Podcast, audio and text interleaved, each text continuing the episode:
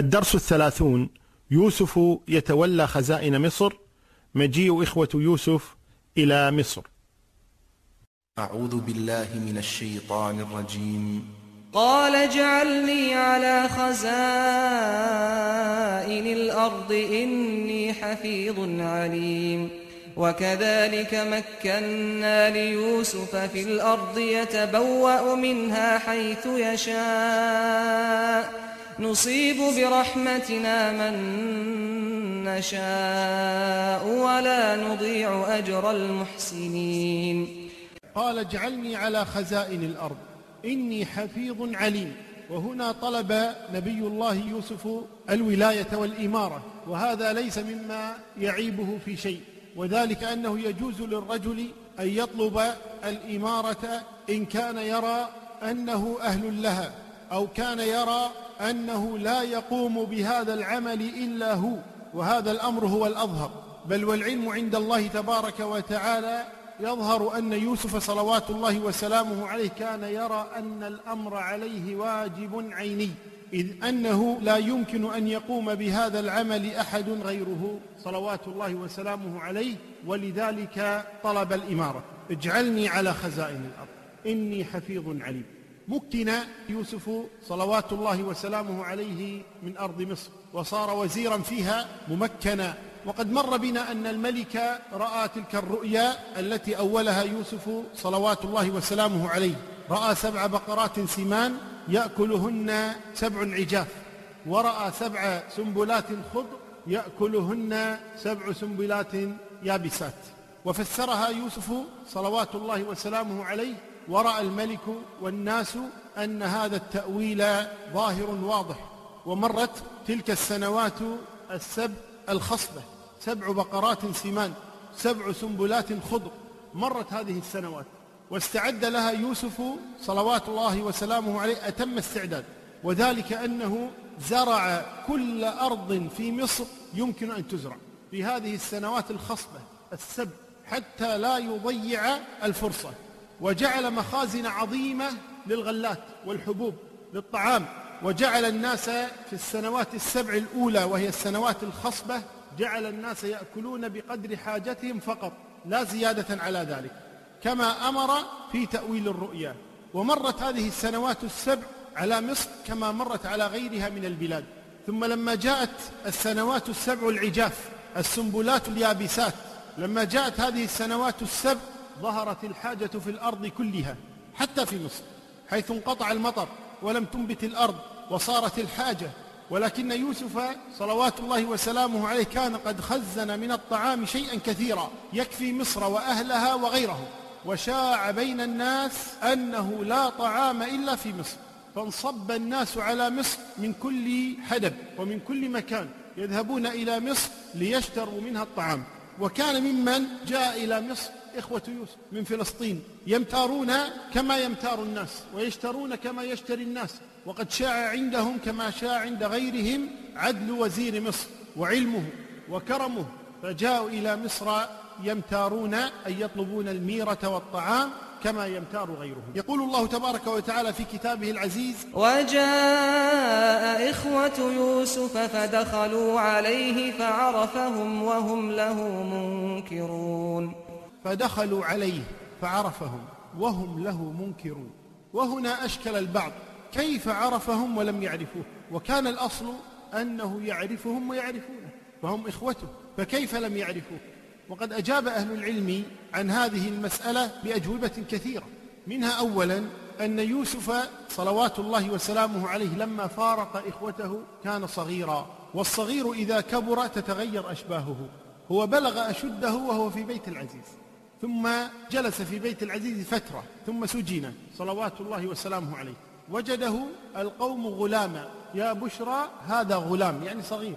وجلس في بيت العزيز فترة حتى قال العزيز لزوجته عسى أن ينفعنا أو نتخذه ولدا. إذا هو صغير.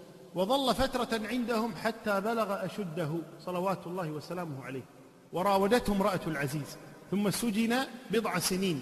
والمشهور عند أهل العلم أن هذه السنوات سبع ثم خرج من السجن عند رؤيا الملك. ومرت السبع السنوات السمان فهذه سبع سنوات أخرى. ثم جاء إخوة يوسف في السنة الأولى العجفاء أو الثانية. إذا أربع عشرة سنة في السجن وفي الملك لما كان وزيرا. وقبلها سنوات غير معروفة قضاها في بيت العزيز صلوات الله وسلامه عليه. فلا يقل الأمر عن عشرين سنة على أي حال. فتغيرت أشباه الصغير وأما الكبير فإن أشباهه في الغالب لا تتغير.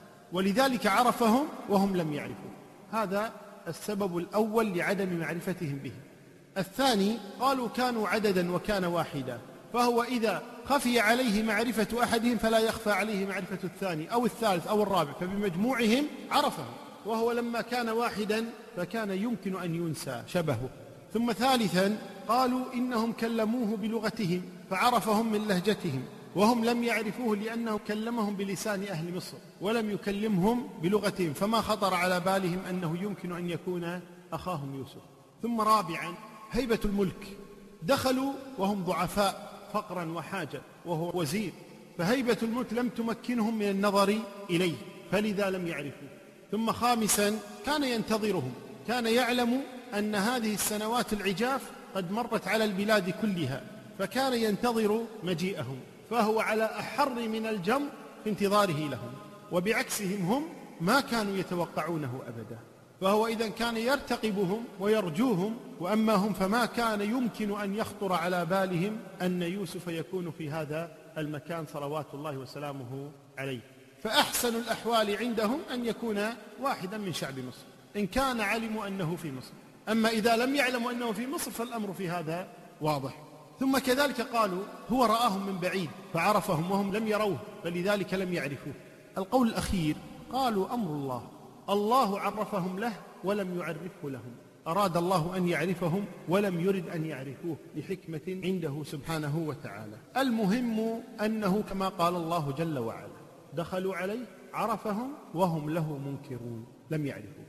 يقول الله جل وعلا ولما جهزهم بجهازهم قال ائتوني بأخ لكم من أبيكم ألا ترون أني أوفي الكيل وأنا خير المنزلين فإن لم تأتوني به فلا كيل لكم عندي ولا تقربون كيف عرف أخاهم من أبيهم؟ قال بعض أهل العلم سألهم عن أحوالهم. من أنتم؟ من أي البلاد؟ متى جئتم؟ ماذا تريدون؟ كيف هي أحوالكم؟ هل أنتم إخوة؟ هل أنتم أبناء عم؟ هل لكم أب؟ هل لكم أخ؟ سألهم عن أحوالهم فكان من سؤاله أن عرف أن لهم أخا فهذا الأول. الأمر الثاني عرف حيث سألوه كيلا لأخيهم وأبيهم. فبعد أن زودهم بالطعام قالوا أعطنا أيضا لأبينا وأخينا. فقال أولكم أب وأخ؟ قالوا نعم لنا أب لم يأتي معنا ولنا أخ جلس لحاجة أبينا إليه. فأعطنا لأبينا وأعطنا لأخينا. فعرف أن لهم أخا آخر. عندها قال لهم يوسف صلوات الله وسلامه عليه ائتوني بأخيكم هذا حتى أراه. وأعطيكم زيادة. ولذلك قال ألا ترون أني أوفي الكيل؟ ألا ترون أني زدتكم؟ أوفي الكيل وأنا خير المنزلين. ألا ترون الكرم؟ ألا ترون السماحة؟ ألا ترون الإنعام؟ ألا ترون أني أوفي الكيل وأنا خير المنزلين؟ فإن لم تأتوني به فلا كيل لكم عندي ولا تقربوا فاستعمل الترغيب والترهيب. رغبهم ابتداء ألا ترون أني أوفي الكيل وأنا خير المنزلين؟ ثم رهبهم وقال فإن لم تأتوني به فلا كيل لكم عندي ولا تقربون. قالوا سنراود عنه أباه وإنا لفاعلون. قالوا سنراود عنه أباه سنحاول. وإنا لفاعلون. إما إنا لفاعلون أي آتون به أو إنا لفاعلون أي مراودون سنراود أبانا عنه مراودون له. يعني لفاعلون المراودة أو لفاعلون الإتيان به. وقال لفتيانه اجعلوا بضاعتهم في رحالهم وقال لفتيانه اجعلوا بضاعتهم في رحالهم لعلهم يعرفونها لعلهم يعرفونها إذا انقلبوا إلى أهلهم لعلهم يرجعون. البضاعة هي المال أو الحاجيات التي جاءوا بها. جاءوا بفضة بذهب جاءوا بمتاع عبارة عن جلود عبارة عن آنية أي شيء. بضاعتهم التي جاءوا بها يأخذون مقابلها طعاما مبادلة مال بمال. فقال لفتيانه اجعلوا بضاعتهم في رحالهم زيادة على ما أعطيناهم من الميرة والطعام. لعلهم يعرفونها إذا انقلبوا إلى أهلهم لعلهم يرجعون. وهذا صبر وجلد.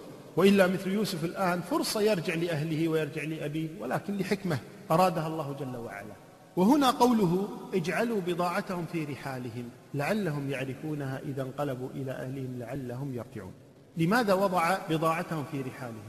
قال أهل العلم من باب الكرم والسخاء. ما أحب أن يظهر لهم أمام الناس وضع هذه البضاعة حتى لا يلحقهم في هذا منة منه أو أن يستشعروا نوعا من العيب أمام الناس يعني هم مميزون من دون سائر الناس يأخذون بضاعتهم ويأخذون الميرة طعام فقال أعطوهم إياها بخفاء. فيكون هذا كرما وسخاء من يوسف صلوات الله وسلامه عليه. الأمر الثاني أن يوسف صلوات الله وسلامه عليه خشي أن لا تكون معهم بضاعة للسنة القادمة فلا يأتون وهو يريدهم أن يأتون. فجعل بضاعتهم في رحالهم حتى تكون سببا في مجيئهم في السنة القادمة. الثالث قالوا رأى أنه من الجفاء وسوء الخلق والعقوق أن يأخذ من أبيه وإخوته مالا نظير طعام. ورأى أن هذا واجب عليه. أن ينفق على أبيه وإخوته فرأى أنه من الجفاء أن يأخذ مقابل الطعام مالا الرابع وضع هذا في رحالهم حتى يكون هناك اطمئنان. من قبلهم جهة يوسف فيأتون في السنة القادمة يأتون بأخيهم. ثم كذلك قالوا بالغ في الإحسان إليهم من باب رد الإساءة بالإحسان. هم أساءوا إليه. ورد الإساءة بالإحسان كما قيل يزيد سفاهة وأزيد حلما كعود زاده الإحراق طيبا. فعاملهم بنقيض معاملتهم له صلوات الله وسلامه عليه. رجعوا إلى أبيهم ولم يعلموا بعد أن البضاعة ردت إليهم في رحالهم. قالوا يا أبانا منع منا الكيل أي في السنة القادمة. أعطينا كيل هذه السنة ولكن منع منا الكيل مستقبلا. فلما رجعوا إلى أبيهم قالوا يا أبانا منع منا الكيل فأرسل معنا أخانا نكتل وإنا له لحافظون. يعني لن يكون كيل إلا إذا كان أخونا معنا وإنا له لحافظون. نحفظه. هذا الآن بنيامين أخو يوسف من أمه وأبيه وأخو هؤلاء من أبيه. قال هل آمنكم عليه إلا كما أمنتكم على أخيه من قبل؟ أنتم لا تؤتمنون عليه. هذه الكلمات أرسل معنا أخانا نكتل وإنا له لحافظون. هي الكلمات ذاتها التي أطلقت زمن يوسف.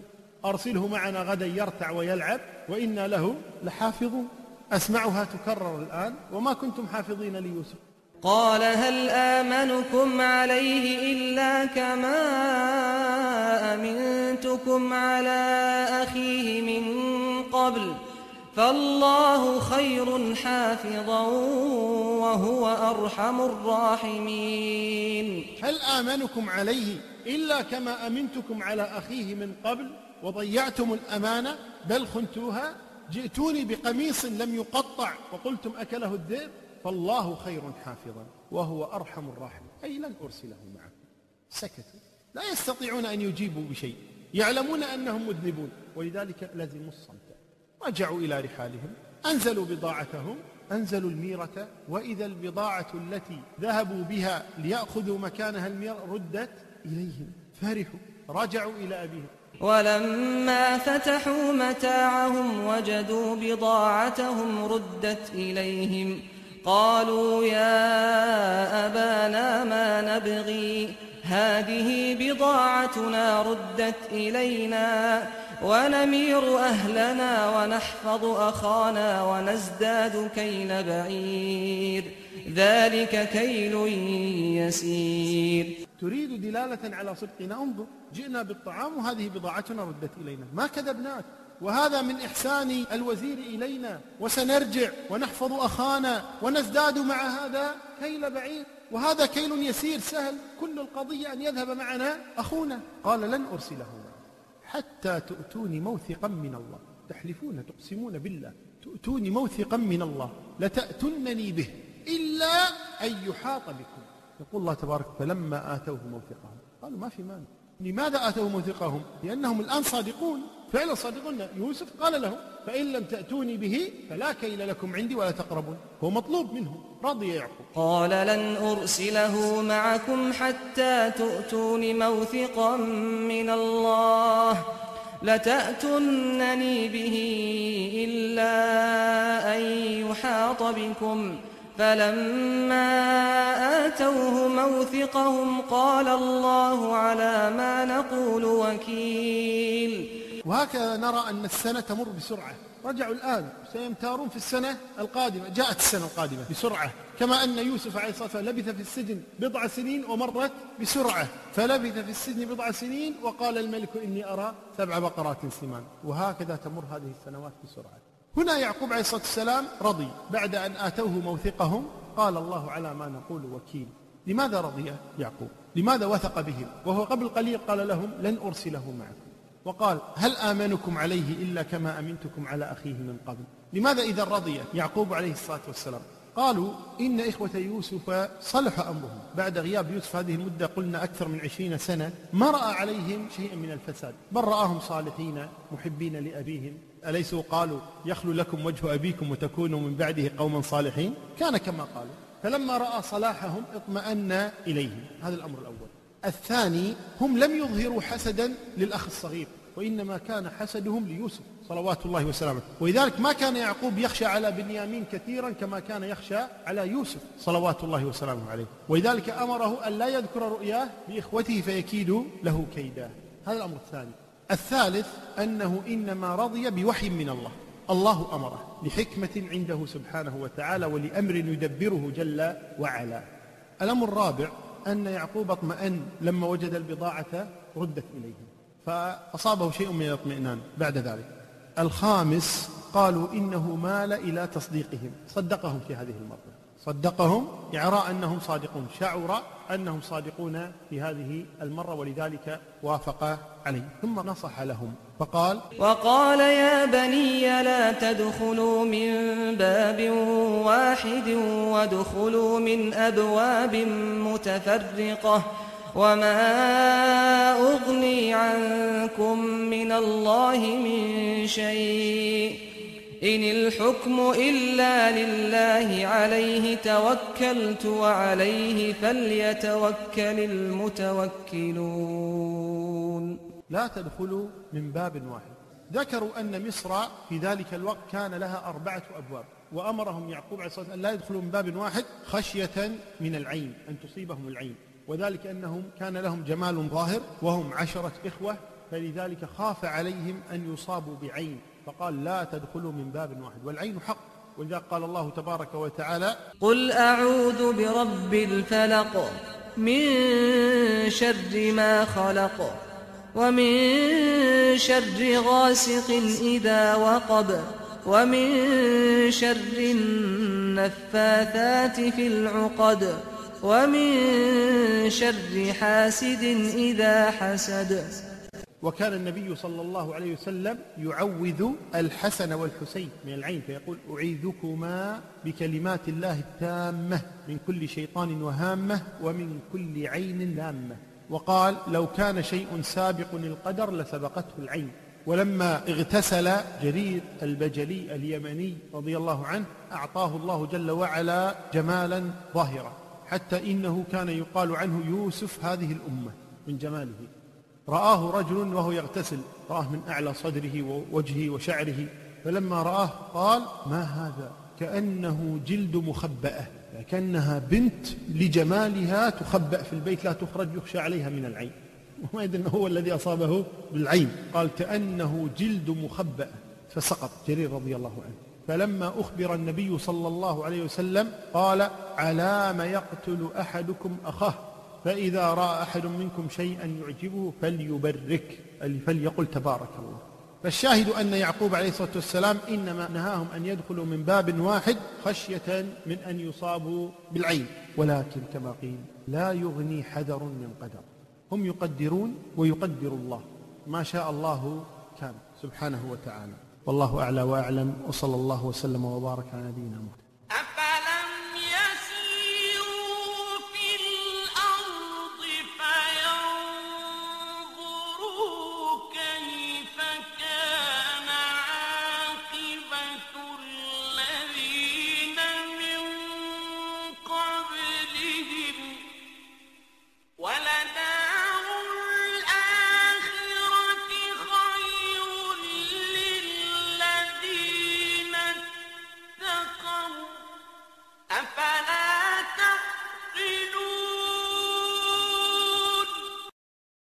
جمعية إحياء التراث الإسلامي فرع رميثية وسلوى. تدعوكم للمساهمة في إعادة طباعة المادة والمساهمة في مشاريعها الخيرية. للاتصال 998 71865 أو 9911 9311 ولمعرفة مشاريعنا الخيرية وإصداراتنا زوروا موقعنا الإلكتروني تراث kw.com